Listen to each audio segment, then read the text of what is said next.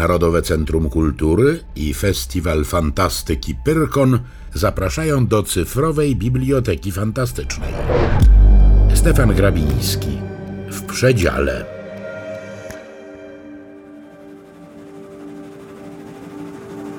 Pociąg czchał przestrzenią, szybki jak myśl. Zapadające już w podnocnym rok pola, puste jak okiem sięgnąć u góry, zataczały pod oknami wagonów szerokie kręgi, które zgarniane bez ustanku niby fałdy wachlarza usuwały się gdzieś wstecz posłuszne. Wyprężone druty telegrafu to szły w górę, to spadały w dół, to znów snuły się jakiś czas w jednakim poziomie. Uparte, śmieszne, sztywne linie. Godzięba patrzył przez okno wagonu. Przywarte do lśniącej szyny oczy upajały się jej pozornym ruchem. Zaparte o ramę okna ręce jakby pomagały pociągowi odpychać poza siebie przestrzeń przebytą. Serce biło wzmożonym tętnem, niby chcąc przyspieszyć tempo jazdy, podwoić rozpęd żegoczących głucho kół. Uskrzydlony pędem parowozu ptak wylatywał swobodnie z więzów codzienności. Przemykał chyżo wzdłuż wyciągniętej ściany wozów i uderzywszy po drodze radosną lotką o szyby okien wyprzedzał maszynę. Hej, tam w szerokie, sine dale, odległy mgłami skryty świat. Godzięba był fanatykiem ruchu. Zwykle cichy, nieśmiały marzyciel z chwilą wstąpienia na stopnie wagonu przemieniał się nie do poznania. Znikała niezaradność, strzezała gdzieś bojaźliwość, a zaciągnięte mgłą trwożliwej zadumy oko nabierało połysków energii i siły. Notoryczny śniaż na jawie i niedołęga przeistaczał się nagle w pełnego woli i poczucia własnej wartości życiowca. I gdy już przebrzmiał rzeźki odzew trąbki i czarna pierzeja wozów ruszała z miejsca ku odległym celom, radość bezbrzeżna przenikała całe jestestwo, rozlewając po najdalszych zakątkach duszy prądy ciepłe, ożywcze jak słońce w gorące dni lata. Tkwiło coś w istocie pędzącego pociągu, coś, co galwanizowało słabe nerwy godzięby, podniecało silnie, choć sztucznie nikłą energię życiową. Wytwarzało się specyficzne środowisko. Jedyne w swoim rodzaju milio ruchome, które miało swe prawa, swój układ sił, swoją własną, dziwną, czasem groźną duszę. Ruch parowozu udzielał się nie tylko fizycznie. Rozmach maszyny przyspieszał tętna psychiczne, elektryzował wolę, usamodzielniał. Nerwica kolejowa zdawała się przetwarzać u przerafinowanego wrażliwca w czynnik poniekąd dodatni, pozytywny, lubo chwilowy. Spotęgowane podniecenie utrzymywało przez czas trwania jazdy na sztucznej wyżynie zwykle wątłe władze życiowe godzięby, by po ustąpieniu szczęśliwych warunków przejść w stan tem głębszej prostracji. Pociąg w ruchu działał nań jak morfina, zastrzyknięta w żyły nałogowca. Znalazłszy się w czterech ścianach przedziału, Godzięba od razu ożywił się. Mizantrop na lądzie stałym tutaj zrzucał skórę od ludka i sam zaczepiał ludzi, czasem niechętnych rozmowie.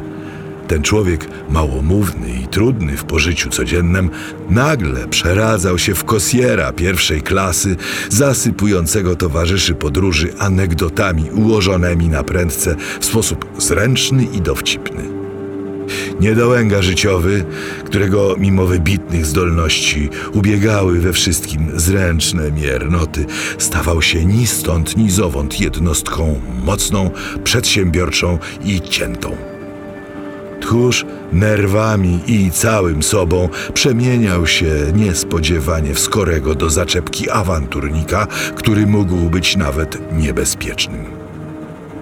To też Nieraz miewał go dzięba w czasie jazdy ciekawe przygody, z których wychodził zwycięsko dzięki swej zadzierżystej i nieustępliwej postawie.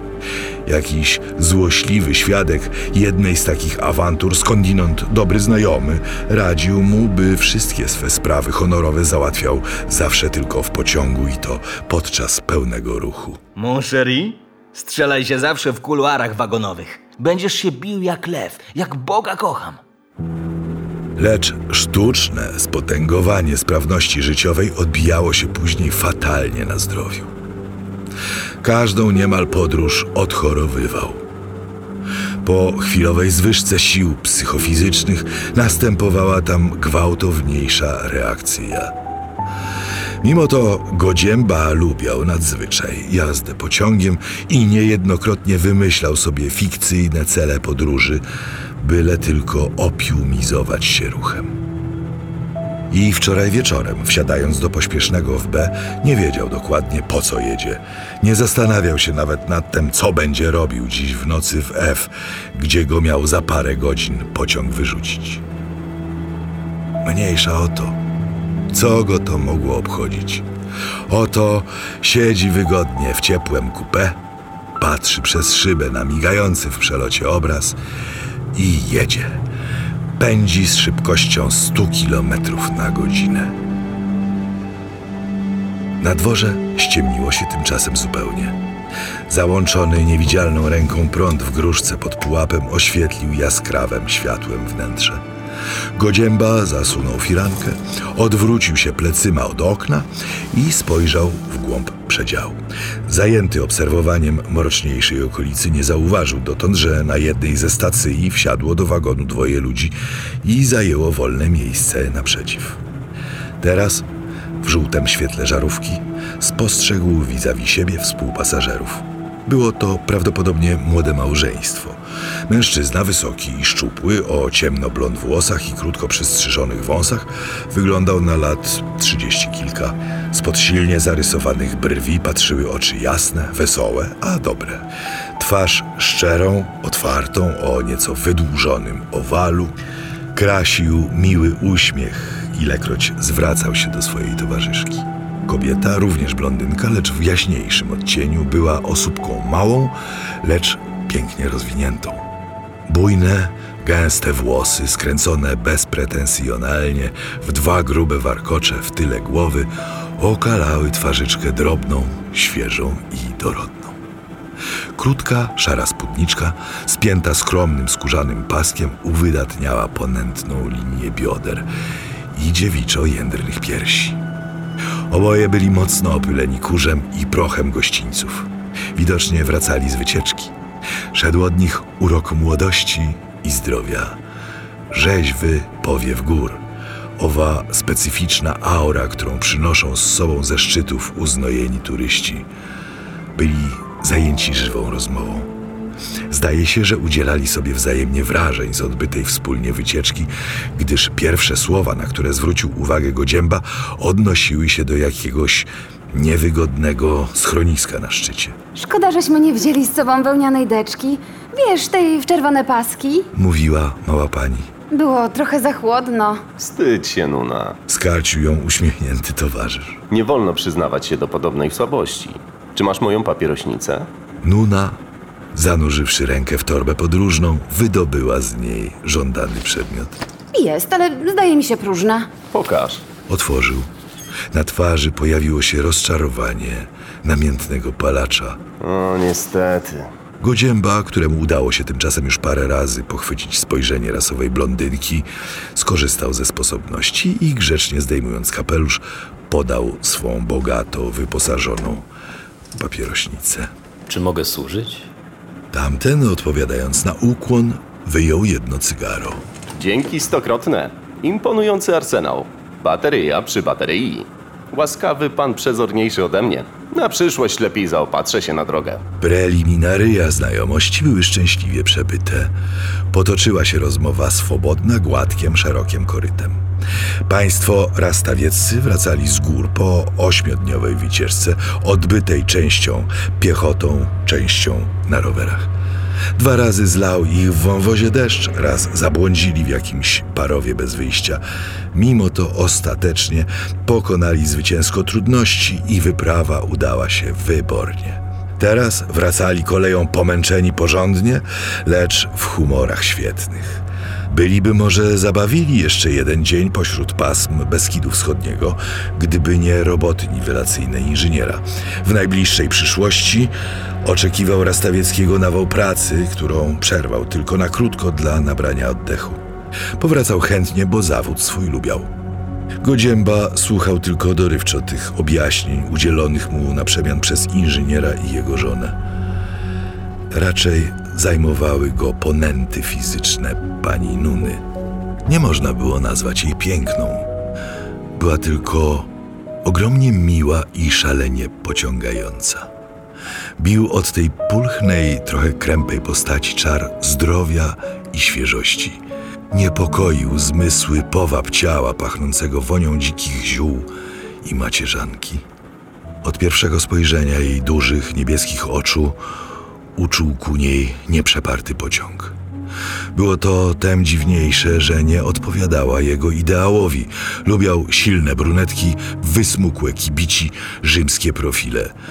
Pani Nuna należała do wprost przeciwnego typu. Zresztą Godzięba zwykle nie zapalał się łatwo, był raczej naturą chłodną, pod względem płciowym wstrzemięźliwą.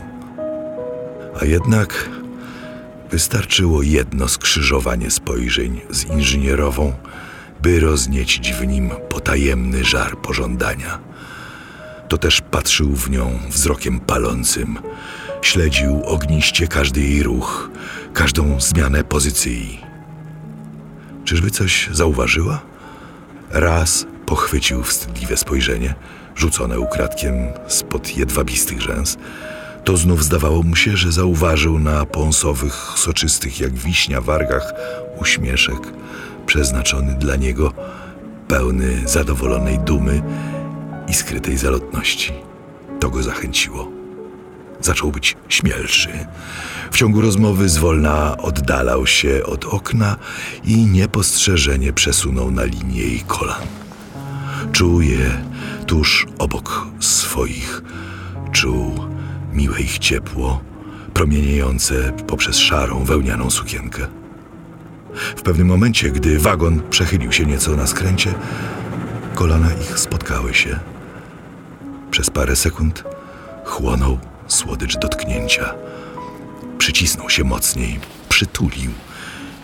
I wtedy ku niewypowiedzianej radości uczuł, że odpowiedziano mu podobnie. Byłże to przypadek? Lecz nie.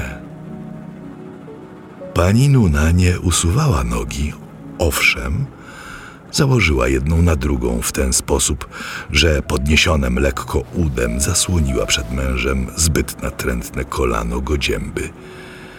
Tak jechali długi, rozkoszny czas. Godzięba był we wyśmienitym humorze. Sypał jak z rękawa dowcipami, puszczał szmermele pikantnych lub w wytwornej formie podanych żartów. Inżynierowa wybuchała co chwilę kaskadami srebrzystego śmiechu, który odsłaniał w perłowej pełni jej ząbki równe, szkliste, trochę drapieżne. Ruchy toczonych jej bioder, wstrząsanych dreszczem wesołości, były miękkie, kocie, niemal lubieżne.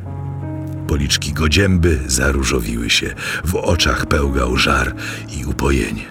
Bił od niego nieprzeparty urok żądzy i zagarniał ją gwałtem w swój czarodziejski krąg. Rastawiecki podzielał wesołość obojga.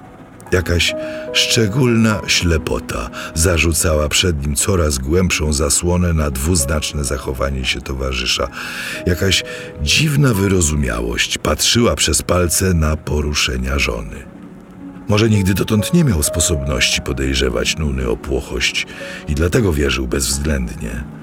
Może nie znał jeszcze demona płci, utajonego pod powierzchnią prostoty. Nie wyczuł aż do tej chwili przyczajonej perwersji i fałszu. Fatalny czar rozpostarł nad tym trojgiem ludzi swe władztwo i pędził na manowce szału i zapamiętania. Wyglądał ze spazmatycznych podrzutów Nuny, zabiegłych krwią oczu jej wielbiciela. Kurczył w sardoniczny grymas wargi męża.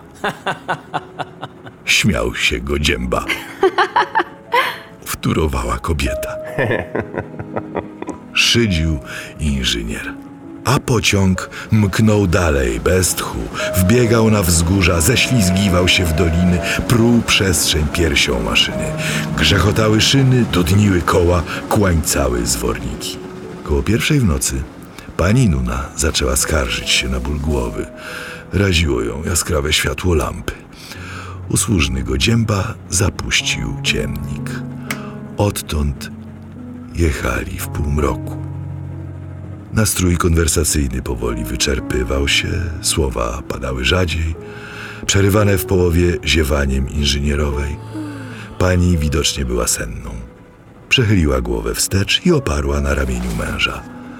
Lecz nogi, wyciągnięte niedbale w kierunku siedzenia naprzeciw, nie straciły kontaktu z sąsiadem. Owszem, teraz w atmosferze przyćmionej były znacznie swobodniejsze. Godzięba czuł ciągle, jak słodkim swym ciężarem wywierały bezwładny nacisk na jego golenie. Rastawiecki, wyczerpany podróżą, zwiesił też głowę na piersi i wgłębiwszy się między polstrowania poduszek, zadrzemał. Wkrótce słychać było w ciszy przedziału jego równy, spokojny oddech. Zapanowało milczenie. Godzięba nie spał. Podrażniony erotycznie, rozpalony jak żelazo w ogniu, przymknął tylko powieki i udawał, że drzemie. Ciało przebiegały gorące strumienie krwi, pulsowały tętna. Rozkoszne lenistwo zwichnęło sprężystość członków. Znużenie lubieży opanowało mózg. Nieznacznie położył rękę na nodze Nuny i wyczuwał palcami jej jędrną zwartość. Słodki zawrót przesłonił mgłą oczy. Posunął rękę wyżej, bojąc dotyk jedwabistym jej ciałem. Nagle zafalowały jej biodra dreszczem rozkoszy. Wyciągnęła rękę i zanurzyła mu we włosach. Chwilę trwała milcząca pieszczota. Podniósł głowę i spotkał wilgotne spojrzenie dużych, namiętnych oczu. Ruchem palca wskazała mu drugą, podwójnie przyćmioną połowę przedziału. Zrozumiał. Opuścił swe miejsce, ostrożnie prześliznął się mimo świącego inżyniera i na palcach przeszedł w drugą część kupę. Tutaj, zasłonięty grubym półmrokiem i przebierzeniem, które sięgało mu piersi, usiadł wzburzony w oczekiwaniu. Lecz szelest, jaki mimo wszystko wywołał, zbudził Rastawieckiego. Przetarł oczy i rozejrzał się dookoła. Nuna, wtuliwszy się momentalnie w kąt wagonu, zdawała się drzemać. Miejsce vis-a-vis było puste. Inżynier ziewnął przeciągle i wyprostował się. Cicho, Mieciek. Upomniała go sennym dąsem. Późno już. Przepraszam. Gdzie się podział ten faun? Co za faun? Śnił mi się faun z twarzą jego mościa, który siedział naprzeciw nas. Musiał wysiąść na którejś stacji. Masz teraz miejsce wolne. Połóż się wygodnie i śpi. Jestem zmęczona. Dobra rada. Ziewnął szeroko, wyciągnął się na ceratowych poduszkach i podłożył płaszcz pod głowę. Dobranoc, Nuna. Dobranoc. Zapadła cisza. Z przytajonym tchem przykucnął Godzięba podczas tej krótkiej sceny za przepierzeniem i przeczekał niebezpieczną chwilę. Stąd z czarnego kąta widział tylko parę jałowiczych butów inżyniera, nieruchomo wystających poza brzeg ławki, a na przeciwległym siedzeniu szarą sylwetkę Nuny.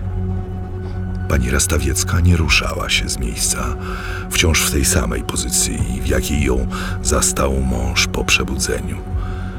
Lecz oczy jej otwarte fosforyzowały w półmroku drapieżnie, dziko, wyzywająco. Tak upłynął kwadrans drogi. Wtem na tle stukotania wozu zaczęły wydobywać się z ust inżyniera ostre, chrapiące tony. Rastawiecki zasnął na dobre. Wtedy gibka jak kot zesunęła się z poduszek i znalazła się w ramionach godzięby. Pocałunkiem cichym, a mocnym złączyli spragnione usta i spletli się w długim, pożądliwym uścisku. Piersi jej młode, w zapędy krwi bogate, przywarły doń palącą pieszczotą i podała mu wonną konchę swego ciała. Godzięba brał ją brał jak płomień w skwarze pożaru, co niszczy i trawi i spala, brał jak wicher w rozpasaniu szałów, swobodny, wolny stepów brat. Drzemiące żądze wybuchły czerwonym krzykiem i potargały wędzidła. Rozkosz, ujęta zrazu w ryzy strachu, tłumiona krygiem ostrożności, przerwała w końcu tamy i przelewała się zwycięsko poza brzegi purpurową falą. Nuna wiła się w spazmach zapamiętania. Tarzała w skurczach miłości i bólu bez granic. Ciało jej, skąpane wodą górskich rzek, smagłe od wiatru hal i połonin, pachniało wonią ziół, tęgą, surową, zawrotną. Jej młode, miękko na kłębach sklepione biodra otwierały się jak wstydliwe pęcze róży i chłodęły w siebie, wsysały miłosną daninę. Płowe warkocze, wyzwolone z krępujących spięć, spadły łagodną linią na ramiona i otoczyły go przetowłosą więźbą. Łukania wstrząsały piersią, spieczone usta wyrzucały jakieś słowa zaklęcia. Wtem uczuł go dzięba dotkliwy ból z tyłu głowy i niemal równocześnie usłyszał rozpaczliwy krzyk Nuny. Półprzytomny odwrócił się i w tejże chwili otrzymał silny raz w policzek. Krew uderzyła mu do głowy, wściekłość wykrzywiła usta, jak błyskawica. Odparował najbliższe zamierzone cięcie i zwiniętą pięścią grzmotną przeciwnika między oczy. Rastawiecki zachwiał się, lecz nie upadł. Rozpoczęła się zażarta walka w półmroku. Inżynier był mężczyzną rosłym i silnym. Mimo to szala zwycięstwa od razu przechyliła się na stronę Godzięby. W tym człowieku, na pozór nikłym i słabym, obudziła się jakaś nerwowa, występna moc. Jakaś zła, demoniczna siła podnosiła jego wątłe ramię, wymierzała ciosy, paraliżowała atak. Oczy dzikie, przekrwione, śledziły drapieżne ruchy wroga, odgadywały myśl, uprzedzały zamiar. Zmagali się w ciszy nocnej, przerywanej hukiem pociągu, łoskotem nóg lub przyspieszonym oddechem ciężko pracujących piersi. Borykali się w milczeniu jak dwa odyńce osamice, przytuloną do wnęki wozu. Z powodu braku miejsca walka ograniczyła się do nader wąskiej przestrzeni między siedzeniami, przenosząc się kolejno z jednej części przedziału w drugi. Powoli przeciwnicy wyczerpywali się.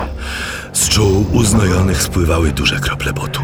Ręce omdlałe od razów dźwigały się w górę coraz ociężalej. Raz już go dzięba pośliznął się na podłodze i zwalił na poduszki pod dobrze wymierzonym pchnięciem.